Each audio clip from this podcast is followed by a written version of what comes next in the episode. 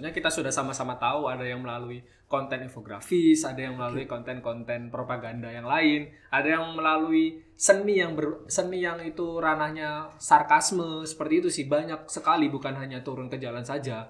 Namun mungkin eh, berbagai macam cara itu eh, dari Polpro sendiri harapannya itu nanti kita menyelesaikannya bukan hanya dengan cara turun ke jalan saja. Balik ke pernyataan saya yang tadi kita selesaikan terlebih dahulu secara diplomatis. Andai pun nanti itu kebijakan ranahnya ke DPR seperti yang eh, sudah-sudah seperti omnibus law harusnya kita eh, sam- eh, datang ke kantor DPR dengan cara diplomatis terlebih dahulu. Namun ketika nanti sudah tidak ada itikat baik, barulah kita turun ke jalan, kita suarakan aspirasi-aspirasi rakyat karena itu juga menjadi salah satu peran kita sebagai mahasiswa yakni agent of change yang kita sebagai agen perubahan seperti itu. Betul ya.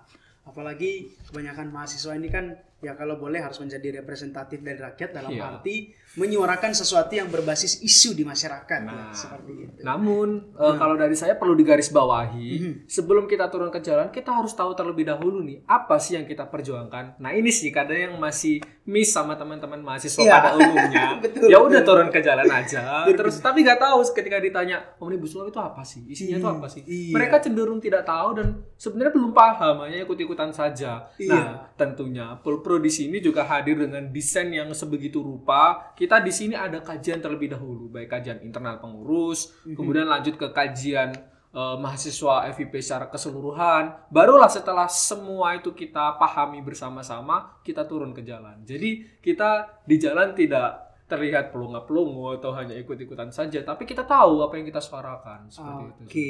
izin menambahkan ya Silakan, silakan. Oke, eh, sebelum eh, rekan-rekan biasanya aksi itu biasanya ada eh, namanya data, data yang diambil dari eh, baik itu isu yang beredar, i- data dari berita, data dari koran, data di lapangan seperti itu. Jadi banyak data yang harus diolah sebelum kita melaksanakan aksi. Jadi rekan-rekan itu eh, dari rekan-rekan Polpro sendiri itu melaksanakan kajian itu fungsinya untuk mengolah eh, beberapa data itu tadi untuk dijadikan sebuah tuntutan atau di- dijadikan sebuah narasi yang nantinya akan dilancarkan atau diaksikan di waktu eh, aksi tersebut seperti itu. Oke. Jadi eh, ketika aksi itu nggak cuma eh, apa ya, cuma ikut-ikutan ikut-ikutan aksi doang, namun eh, mengerti secara keseluruhan permasalahan yang diaksikan itu apa, tuntutannya seperti apa, dari keseluruhan masyarakat mintanya seperti apa, supaya nanti ketika berubahnya sebuah kebijakan itu sesuai dengan keinginan keseluruhan masyarakat juga. Jadi tidak ada yang pro kontra di situ. Betul sekali. Jadi yang paling penting adalah pemahaman akan apa yang mau kita sampaikan, apa yang mau kita suarakan. Itu menjadi hal yang sangat penting karena itu mungkin langkah-langkah sebelum kita turun ke jalan tadi dapat kita lakukan ya, baik di internal maupun berkolaborasi dengan eh, sesama mahasiswa yang memang punya satu gagasan yang sama yang mengenai hal itu tentunya. Nah, kalau dari Mas Rofi sendiri, cara lain selain demo untuk melakukan aksi itu apa sih kira-kira? Cara lain cara untuk- lain untuk eh, melakukan aksi selain demo. Oke, selain demo ya banyak sih sekali eh, propaganda-propaganda yang beredar. Suatu contoh kita biasanya eh, kita lihat rekan-rekan seniman biasanya. Hmm. Biasanya itu tidak melaksanakan eh, sebuah aksi, tapi di situ ada pameran. Itu merupakan salah satu bentuk aksi untuk mencerdaskan eh, rekan eh, keseluruhan masyarakat itu untuk mengetahui sekarang itu ada berita apa sih, isu apa yang sedang eh, panas di negara ini gitu. Banyak sekali suatu contoh ada adanya apa ya eh, audiensi itu merupakan salah satu bentuk aksi supaya Iya. eh, rekan-rekan kesel- atau keseluruhan masyarakat itu tahu permasalahan ini sebenarnya tujuannya ke mana kebijakan ini arahnya ke mana supaya tahu terlebih dahulu sebelum kita melaksanakan eh, suatu aksi itu itu tadi Iya. banyak sekali untuk co- contoh eh, menyu- menyuarakan itu ya Misalnya lihat pamflet yang dikatakan Mas Faiz tadi petisi gitu. ya. Iya seperti itu. Terus ada lagi asesmen, terus ada lagi surat terbuka, pernyataan sikap. Seperti itu sudah bentuk-bentuk dari sebuah aksi. Oke. Nah, eh, Mas Faiz, saya ingin kembali ke kebijakan kampus tadi. Menarik sekali nih. Karena terus terang ya, mungkin eh, cukup banyak saat ini mahasiswa yang tidak punya kesadaran bahkan tidak mau tahu tentang kebijakan kampus padahal sasaran atau pelaku dari kebijakan itu sendiri adalah mahasiswa itu sendiri. Sehingga ketika dia mengalami kerugian dari kebijakan itu, dia bingung mau melakukan apa. Nah. gitu. Nah, kira-kira menurut Mas uh, Faiz sendiri ini gimana nih? Mungkin bisa disampaikan dulu kebijakan kampus itu apa dan contoh contoh konkretnya deh di lingkup VIP saja dulu. Oke, coba kita lihat contoh konkret ya yang benar-benar sekarang itu sedang apa ya? Nggak sekarang sih sebenarnya udah dari semester lalu ya. Itu mulai gempar-gemparnya karena lu kok gini, lu kok gitu gitu. Nah, balik lagi kayak eh, contohnya itu kayak eh, program Kampus Merdeka. Kampus nah, Merdeka. Kampus Merdeka ini menuntut kita sebelum lulus kita sudah mengantongi 20 SKS dari eh, Kampus Merdeka ini. Entah kita eh, ikut program-program yang sudah disediakan, entah kampus mengajar, magang merdeka atau mungkin ikut eh, mata kuliah transdisipliner atau mungkin ikut mata kuliah yang se- disediakan oleh universitas lain yang tergabung di kampus merdeka ini. Nah, tentunya kebijakan ini kalau misalnya kita tidak memahami, kita yang akan merasa dirugikan. Seperti itu dan juga kayak contohnya kemarin itu ada mahasiswa angkatan 2018 itu mereka KPL-nya yang semula itu hanya 45 harian berubah menjadi satu semester. Nah, tentunya kalau ini tidak kita bahas, tidak kita ulik-ulik, ya kita tidak tahu menahu kemudian kita merasa dirugikan di situ. Padahal ada dua sisi, entah itu sisi positif maupun sisi negatif dari adanya kebijakan eh, hal ini gitu. Itu sih kalau menurut saya dan kayak mahasiswa ini kalau misal eh, dipaksa buat eh, ikutan peduli sama kebijakan-kebijakan kampus dipaksa untuk peduli sama eh, perpolitikan di ranah kampus itu menurut saya eh, kurang pas sih. Karena ya mau semaksa apa pun kita mereka ketika memang tidak butuh hal itu mereka tidak akan mencari tahu gitu. Nah jadi poinnya di mana? Kita eh, harus membuat mereka butuh terlebih dahulu.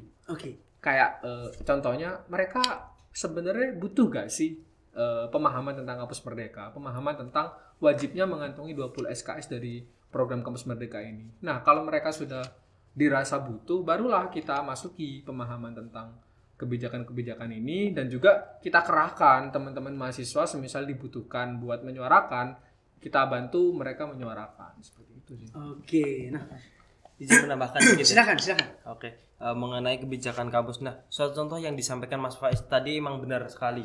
Ya, hal tersebut memang eh, realita di kampus itu mahasiswa eh, kebanyakan seperti itu. Biasanya ya, kebijakan itu eh, yang dikulik mahasiswa itu hanya kebijakan ma- permasalahan keuangan saja, tapi belum eh, mengenai dasar-dasarnya terdulu itu keuangan suatu contoh UKT itu bisa eh, sebesar itu itu seperti apa itu nggak dikulik sama sekali. Suatu contoh PTNBH ini kan bisa mempengaruhi UKT dari keseluruhan mahasiswa ya ketika nggak dikulik. Tapi eh, pada saat ini masih minim sekali mengenai eh, yang mengkritisi mengenai PTNBH ini. Padahal nantinya juga akan berimbas terhadap keuangan karena sudah berbadan hukum seperti itu.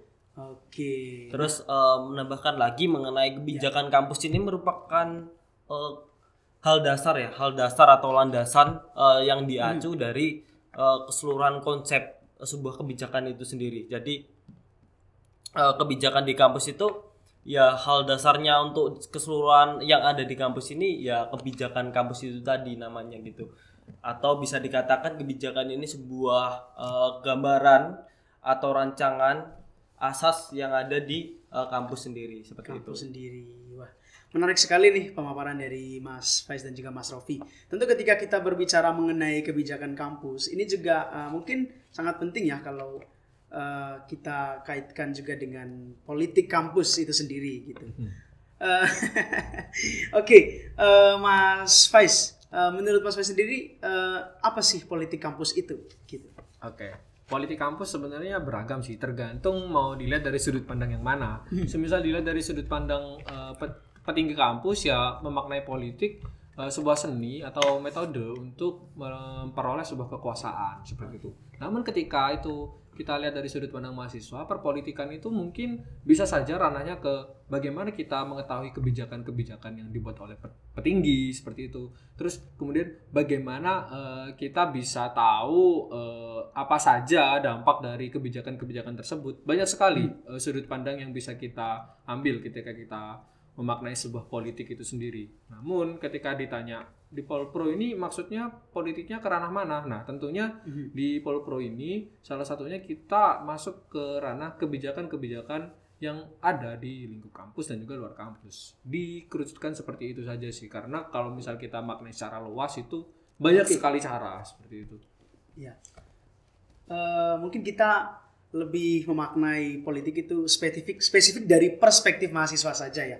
Nah, Mas eh, Raffi atau Mas Faiz, kalau saya katakan begini, bahwa salah satu contoh dari politik kampus itu adalah kebijakan yang dikeluarkan oleh pihak kampus itu sendiri. Setuju tidak? kebijakan yang dikeluarkan dari Dari kampus itu sendiri, politik kampus misalnya. Kalau saya bilang begitu, kebijakan yang berkaitan dengan kemahasiswaan tentunya Pak, atau lingkup kampus. iya kalau di Atau ranahnya mungkin punya contoh lain gitu. Oke, Politik kalau ranahnya di politik eh, politik dan propaganda ya. Kalau menanggapi sebuah kebijakan itu merupakan hal wajib. Siap. Karena eh, ketika kebijakan itu ya benar, sebuah kebijakan itu ada eh, kurang dan kelebihannya. Tapi eh, harus kita tahu ketahui bahwa sebuah kebijakan itu harus kita kritisi terlebih dahulu, kita enggak kita telan mentah-mentah. Jadi harus dikaji terlebih dahulu oleh rekan-rekan Departemen Politik dan Propaganda supaya nanti mahasiswa juga akan paham mengenai sebuah kebijakan-kebijakan yang dikeluarkan oleh kampus karena nggak selalu eh, sebuah kebijakan itu akan berjalan dengan mulus karena kebanyakan eh, secara garis besar ya secara dasar itu keseluruhan mahasiswa ataupun eh, manusia itu kurang suka dengan peraturan seperti itu. Oke. Kurang mau diatur ya. Iya. Mas Faiz silahkan menambahkan. Ya, mungkin cukup sih dari aku udah dijelaskan sama Oke. Mas Rofi. Oke.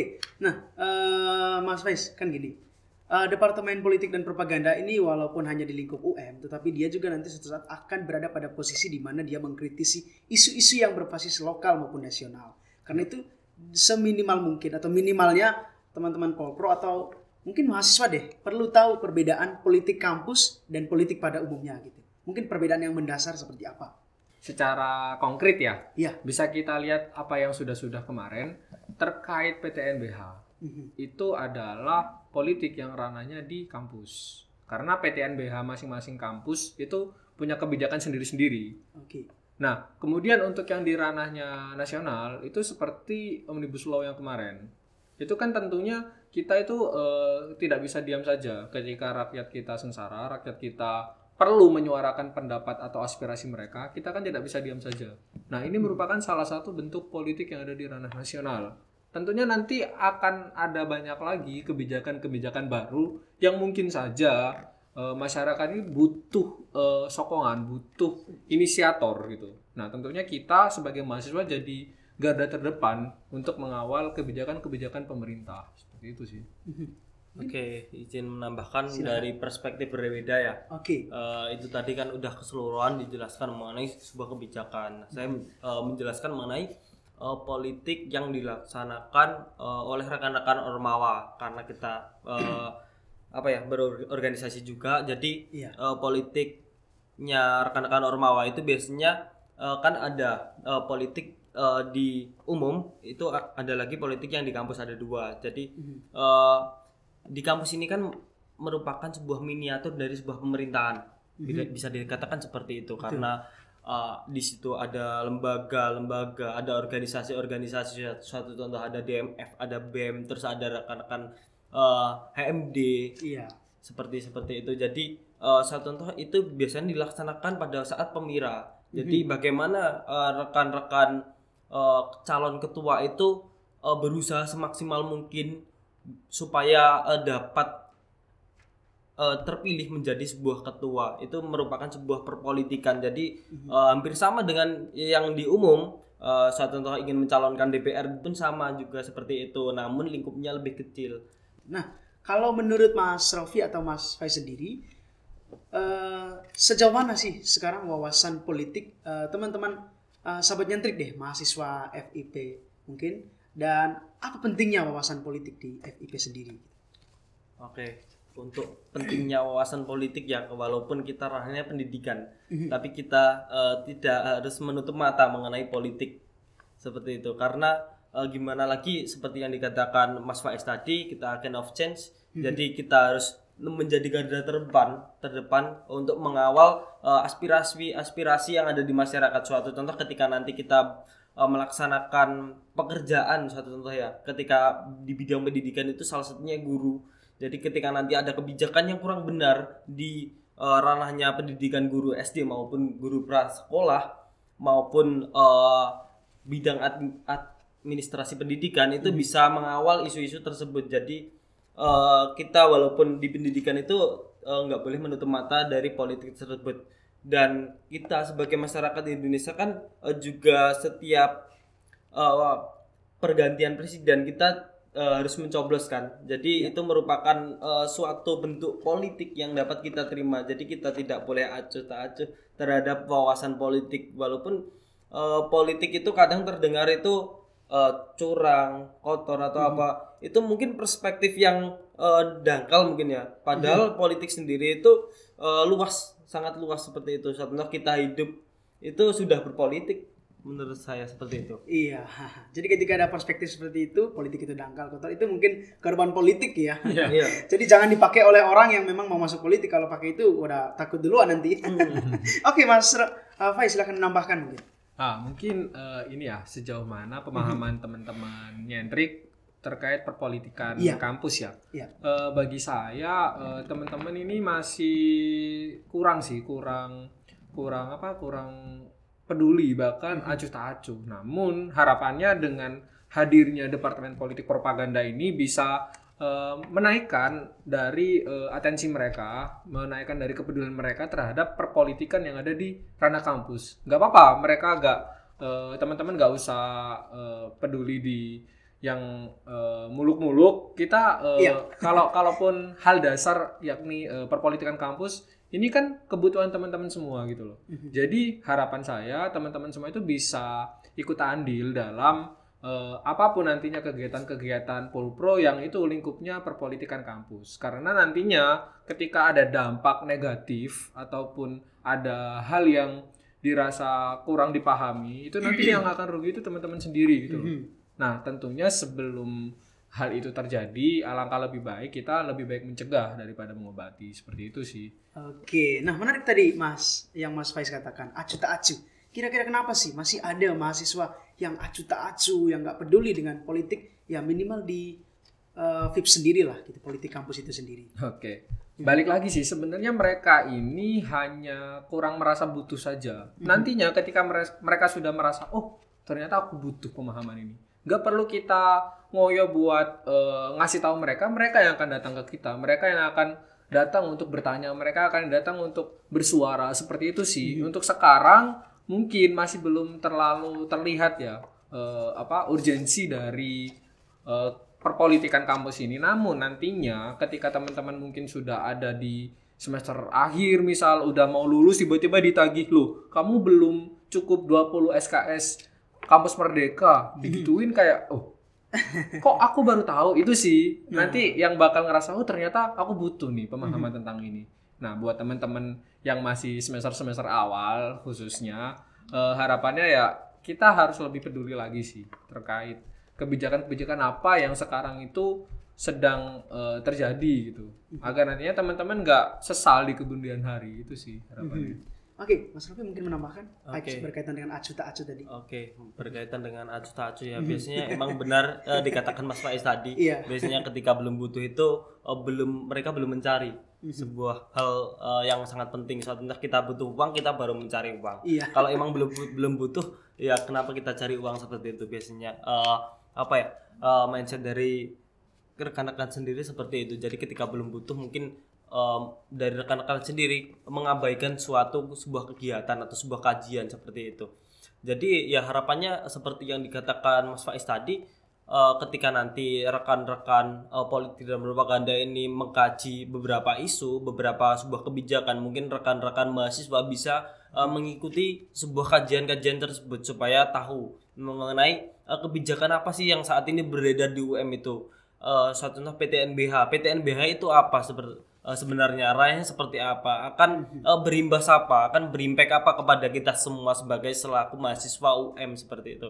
Terus eh, banyak lagi eh, yang kita kaji. Suatu contoh eh, dari Wadas kemarin. Eh, itu sebenarnya di Wadas itu ada permasalahan apa? Yang salah seperti sebenarnya siapa? Kegiatan tindakan representatif itu eh, siapa yang melakukan seperti itu supaya rekan-rekan juga tahu eh, mari kita bersama-sama bareng Polpro kita belajar bersama untuk mengkaji sebuah kajian maupun kebijakan yang ada di kampus maupun di eh, nasional eh, baik di pemerintahan di eh, Malang sendiri di Malang Raya di FIP sendiri hal-hal dasar suatu contoh kebijakan yang dikeluarkan fakultas suatu contoh pada saat yudisium pada saat penurunan UKT itu uh, kurang seperti apa nanti kita akan belajar bersama. Kalau mau request silahkan bisa request ke kepada Departemen uh, Politik dan Propaganda. Ingin mengkaji uh, permasalahan apa isu apa yang saat ini sedang tenar sedang beredar seperti itu.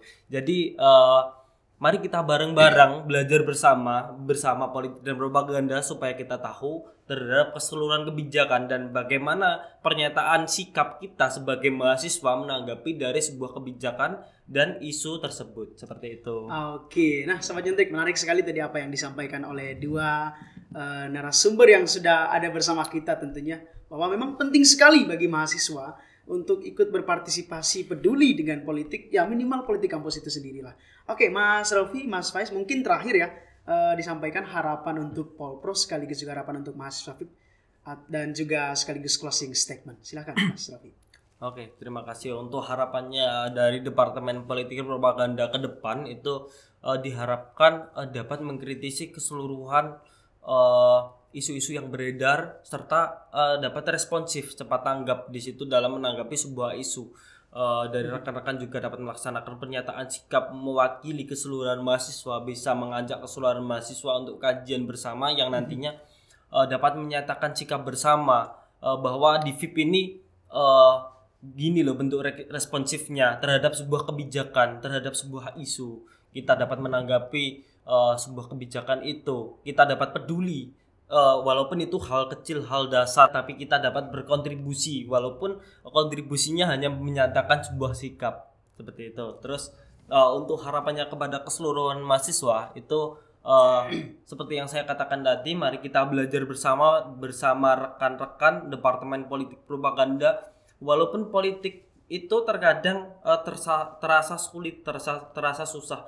Namun ketika itu hanya dibayangkan, tapi ketika kita lakukan, kita lakukan bersama-sama, itu eh, bisa menambah wawasan kita. Bukan hanya eh, wawasan mengenai pendidikan ya, tapi eh, wawasan mengenai politik dan sebuah kebijakan serta isu tadi kita dapat kita pahami eh, sebagai mahasiswa. Jadi kita bisa menjadi garda terdepan ketika ke- nanti eh, demo itu cu- nggak cuma ikut-ikutan aja, tapi kita dapat berkontribusi mengetahui apa yang kita demokan seperti itu. Oke, Mas Faiz langsung saja. Oke, kalau dari saya simpel sih. Harapannya untuk teman-teman Polpro itu bisa tetap konsisten Iya. hingga nanti-nanti dan juga harapannya bukan hanya di periode ini saja, namun bisa meregenerasi periode-periode selanjutnya bahkan lebih baik daripada periode-periode sebelumnya. Itu sih harapan saya untuk eh, Polpro ke depannya nanti ya. Dan buat teman-teman sobat nyentrik, harapannya ayolah kita sama-sama sadar bahwa wawasan politik itu penting bagi kita.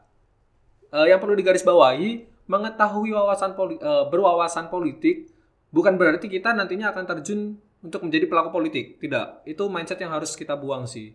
Saya juga sama. Saya eh, nantinya eh, ber- eh, tidak tidak mau menjadi pelaku politik. Itu idealis saya. Namun saya juga tidak mau nggak eh, tidak mau wawasan politik saya itu rendah. Oke. itu sih yang perlu teman-teman eh, apa garis bawahi. Jadi wawasan politik itu sangatlah penting agar nantinya kita tidak dibodoh-bodohi oleh pelaku politik tanda kutip. Dan juga agar nantinya kita eh, bisa tahu ketika pelaku politik ini nanti membuat kebijakan-kebijakan seenak mereka yang tentunya merugikan banyak orang termasuk kita itu sih yang perlu Iya, mungkin yang dita- ditakutkan bahwa ketika seorang ikut wawasan politik itu jadi dianggap sebagai pelaku politik. Nah, Padahal itu bukan sih. begitu ya. Iya. Oke, luar biasa sekali ya Sobat Nyentrik. Eh, banyak hal yang sudah kita dapatkan tadi dari Mas Rofi dan juga Mas Faiz selaku Ketua Umum BEMFIP dan Wakil Ketua Umum BEMFIP UM 2022.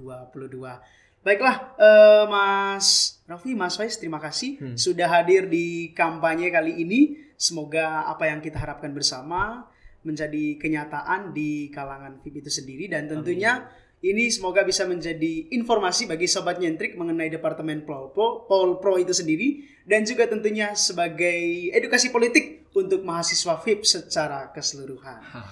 Saya Yayan Sariman yang bertugas mengucapkan terima kasih dan sampai jumpa lagi. Sampai jumpa. Oke. Jangan lupa ikuti terus kampanye di setiap episodenya. Terima kasih dan sampai jumpa.